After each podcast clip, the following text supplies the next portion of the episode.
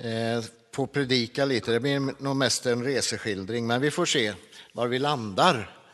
Eh, när jag tittar på den här söndagen först så eh, tänkte jag att förra söndagen var ju 19 efter trefaldighet och då måste det här vara 20. Och då var rubriken Att leva tillsammans. Och det tyckte jag var en bra rubrik. Sen slog det mig att det är tacksägelsedagen idag. Och då var det en helt annan text. Men jag håller kvar vid min eh, grundtes att leva tillsammans. För jag kände att det var viktigt. Eh, för att leva tillsammans, det är ju nämligen den grund som vi har att utgå ifrån allihop. Spelar ingen roll på vilket plan. Eh, familjeplanet, eh, Sverigeplanet, världsplanet, alla plan, arbetslivet, eh, så är det så att leva tillsammans, det är det som är liksom grejen. Och fixar man inte det, då blir det problem. Eh, och det händer ju att det gör det.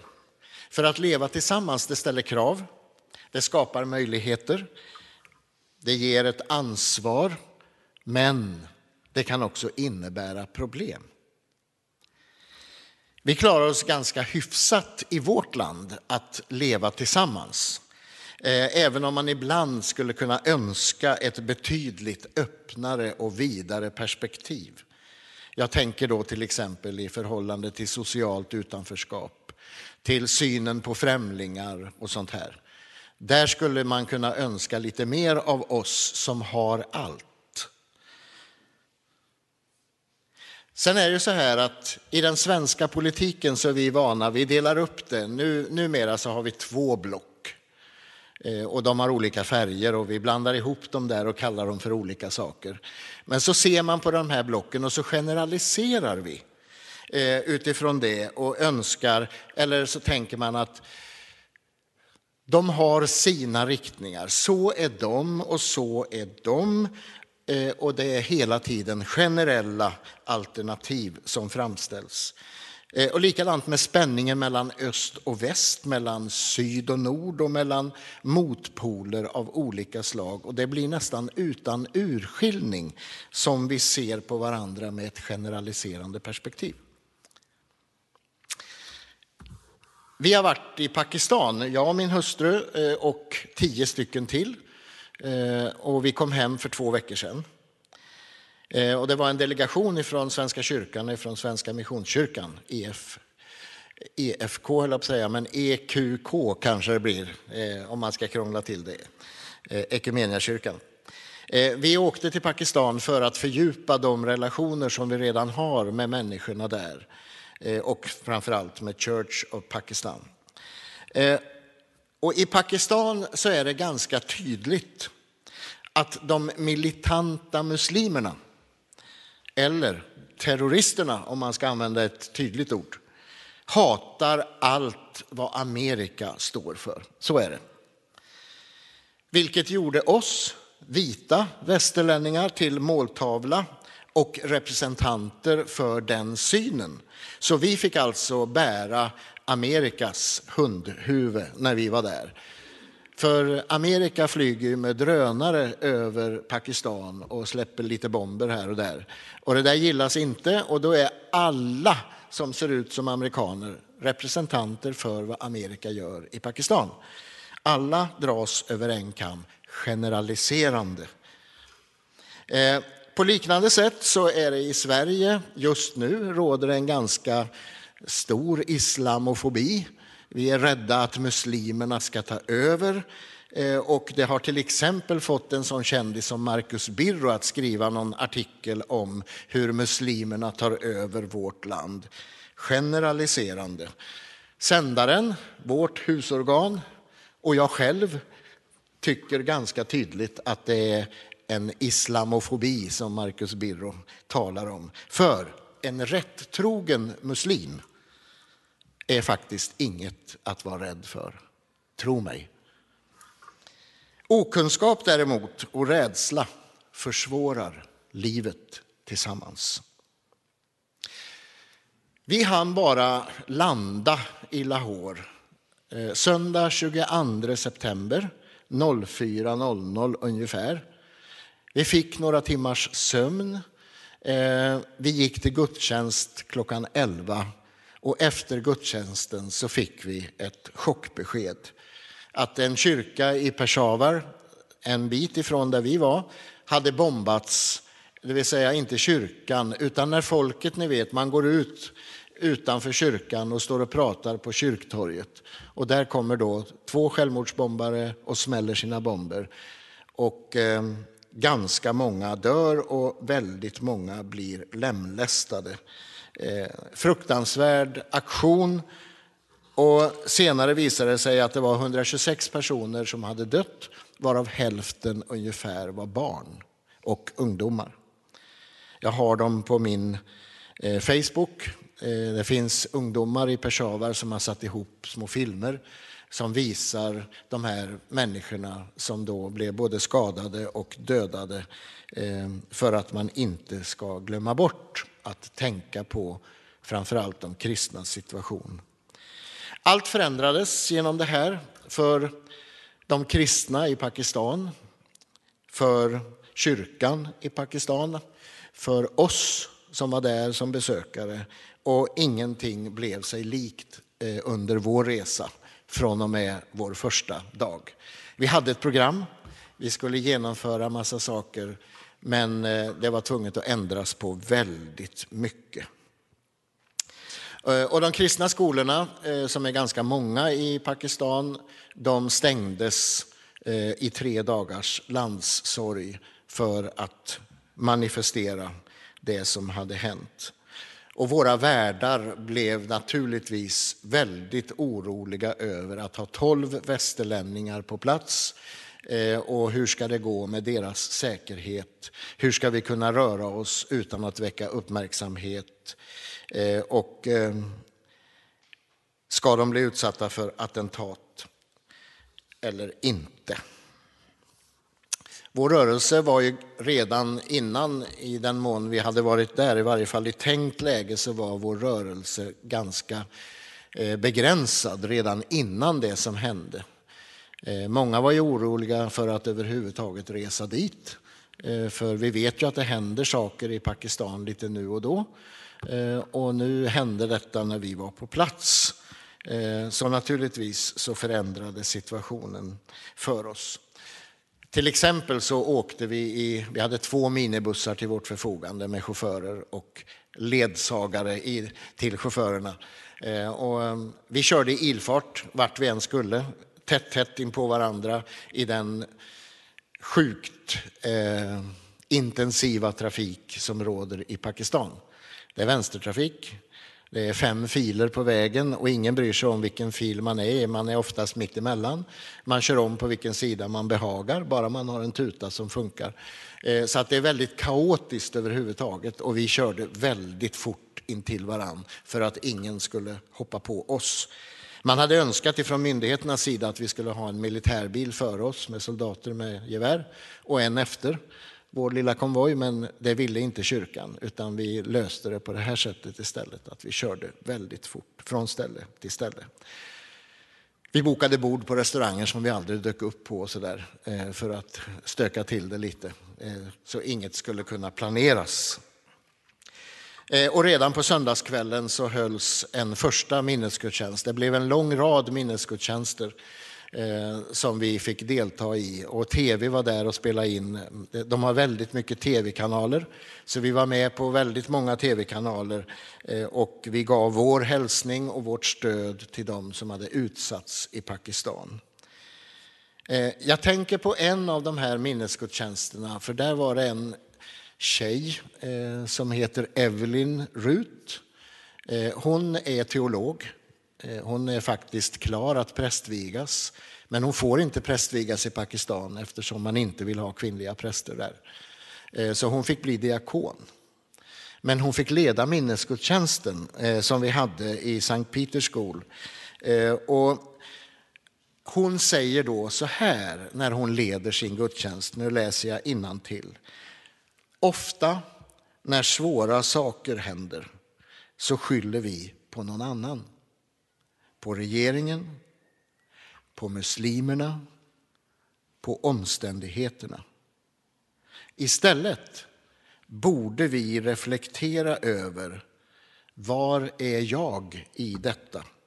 Vad är min roll? Hur reagerar jag?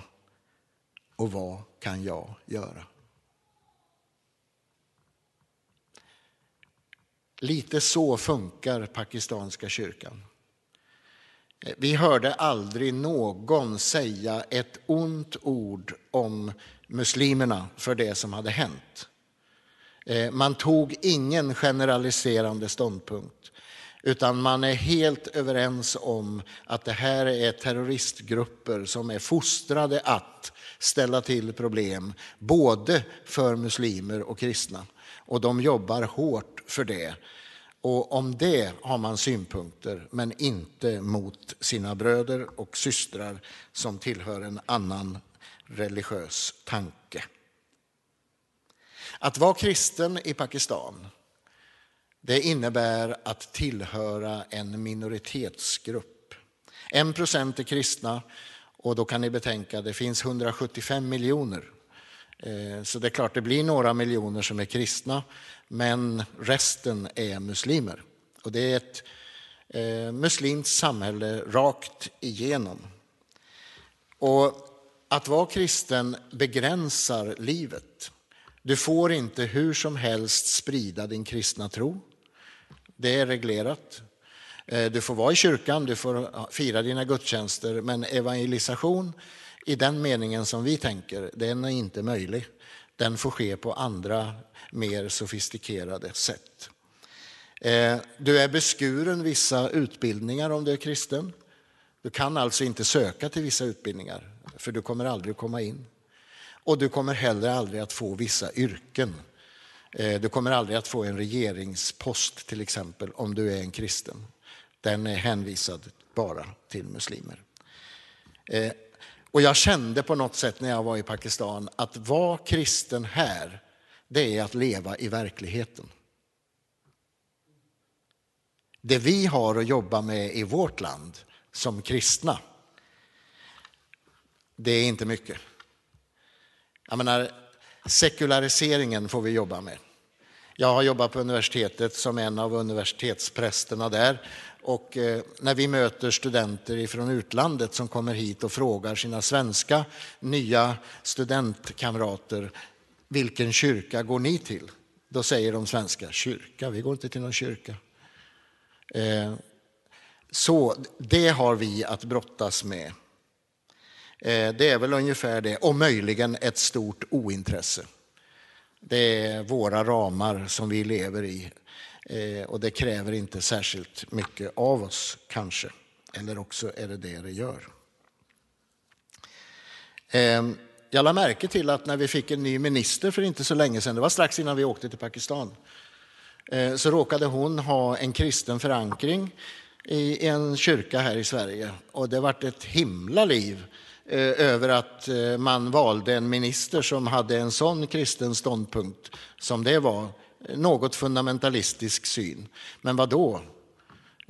Man måste väl få ha den tro man har och det finns väl inget att vara rädd för. Så möjligen också en viss okunskap har vi att brottas med i vårt land. Men det är betydligt tuffare, känner jag, att vara kristen i ett land där det kräver så mycket av mig som det gör i Pakistan. Vi hade flera seminarier under, vårt vecka, under vår vecka. Ni skulle vara med eh, på såna här resor. För de ordnar seminarier om en det ena, en det andra. De är väldigt mycket för seminarier. Vi hade ett seminarium om forced marriages, alltså eh, tvingande äktenskap. Eh, och där satt vi och diskuterade en hel eftermiddag om hur man skulle kunna lösa den knuten att eh, ungdomarna skulle kunna få gifta sig av annat än av föräldrarnas uppgjorda eh, mönster. Eh, vi hade också en intressant eftermiddag, det var bara vi som var teologer som fick vara med på den. Eh, men det handlade om islam och kristen tro. Eh, och det kom några muslimska företrädare som var vänner till vår värd, biskop Azaraya. Eh, och så diskuterade vi det som hade hänt i Peshawar. Eh, och ehm, de här muslimerna säger klart och tydligt ehm, en, i Koranen så finns det inget stöd för att mörda, terrorisera eller bära sig illa åt mot någon människa.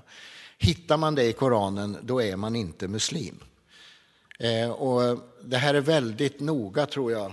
De var väldigt ivriga att vi skulle föra fram den hälsningen till vårt land, där vi är så rädda för muslimer, att Koranen framhåller att vi ska älska vår broder och göra vårt bästa för honom, henne. Eh, och en av dem som var med på den här eh, seminariet, en av muslimerna, hans pappa vart mördad därför att han hade en fri syn. Eh, han var liberal muslim och han vart mördad av talibanerna på grund av det. Och nu hade hans son som är mm, högt utbildad och imam eh, han har en dödsdom över sig och hans fru vet aldrig om han ska komma hem på kvällen eller inte. Ehm, så är det att leva i ett land där känslorna styr väldigt mycket. Och jag känner så här, man måste akta sig för att hamna i de generaliserande dikena. För det är så tröttande. Eh, och jag tänker på teologen Diedrich Bonhoeffer han var teolog i krigets Tyskland, andra världskrigets Tyskland, precis när det bröt ut. Och han vart tillfångatagen av nazisterna, eh, satt på koncentrationsläger och vart ganska snart mördad eh, på grund av sin syn. Han ställde sig emot nazisterna på grund av sin kristna åskådning eh, och vägrade eh, ge dem sitt stöd. Eh, och på, på grund av det så vart han alltså mördad. Men innan han dör så skriver han en sångtext som vi har i vår psalmbok 544. Av goda makter underbart bevarad. Och i en av verserna så står det Låt varmt och stilla ljus i kvällen brinna som du i mörkret tände världens ljus. Så för du här din mänsklighet tillsammans och är på vägen moln och eld och Gud. Eh, och precis som Evelyn i Pakistan så ville inte han, Bonhoeffer, anklaga fienden för vad den gjort utan han ville ställa sig i ljusets flöde och låta sig bäras framåt mot den framtid som är Guds. Och på det viset så kände jag bara att kanske kunde man kombinera tacksägelsen över det med mottot eller temat att leva tillsammans. Det var ju så Abraham gjorde en gång, vår anfader. Han satt där under trädet. Eh, det finns ett fint träd där. Eh, ungefär som Björn sitter under trädet satt Abraham. Och så fick han besök. Det kom några främlingar på besök. Och vad gör man med främlingar? Ja, förr i världen då bjöd man in dem till sig. Eh, och eftersom man levde utomhus så bjöd Abraham dem till sig under trädet. Han eh, begärde av sin familj att de skulle slakta en kalv eller en get eh, och han bad dem baka bröd och bjuda på nygrillat kött, nybakat bröd och mjölk. För det kunde ju vara en ängel som var på besök. Och det visade sig, vi har ju facit, det var Gud själv som kom i skepnad av tre. Eh, och lite den inställningen tror jag vi skulle behöva lära oss av i vårt land, i den situation vi står i idag. Vi hade landshövdingen på besök i vår kyrka häromkvällen, för vi hade en after work till förmån för vårt Pakistanarbete. Eh, och då säger han så här, att leva tillsammans, det är att betrakta främlingen som en vän som man ännu inte har lärt känna. Det tyckte jag var väldigt bra sagt. Att leva tillsammans är att betrakta främlingen som en vän som man ännu inte har lärt känna. Ja, det var några tankar eh, om vår resa eh, och om det goda i att leva tillsammans och att det finns ett ansvar i det och att vi måste ta det ansvaret. Vi måste våga möta framtiden och varandra. Gud välsigne oss till det.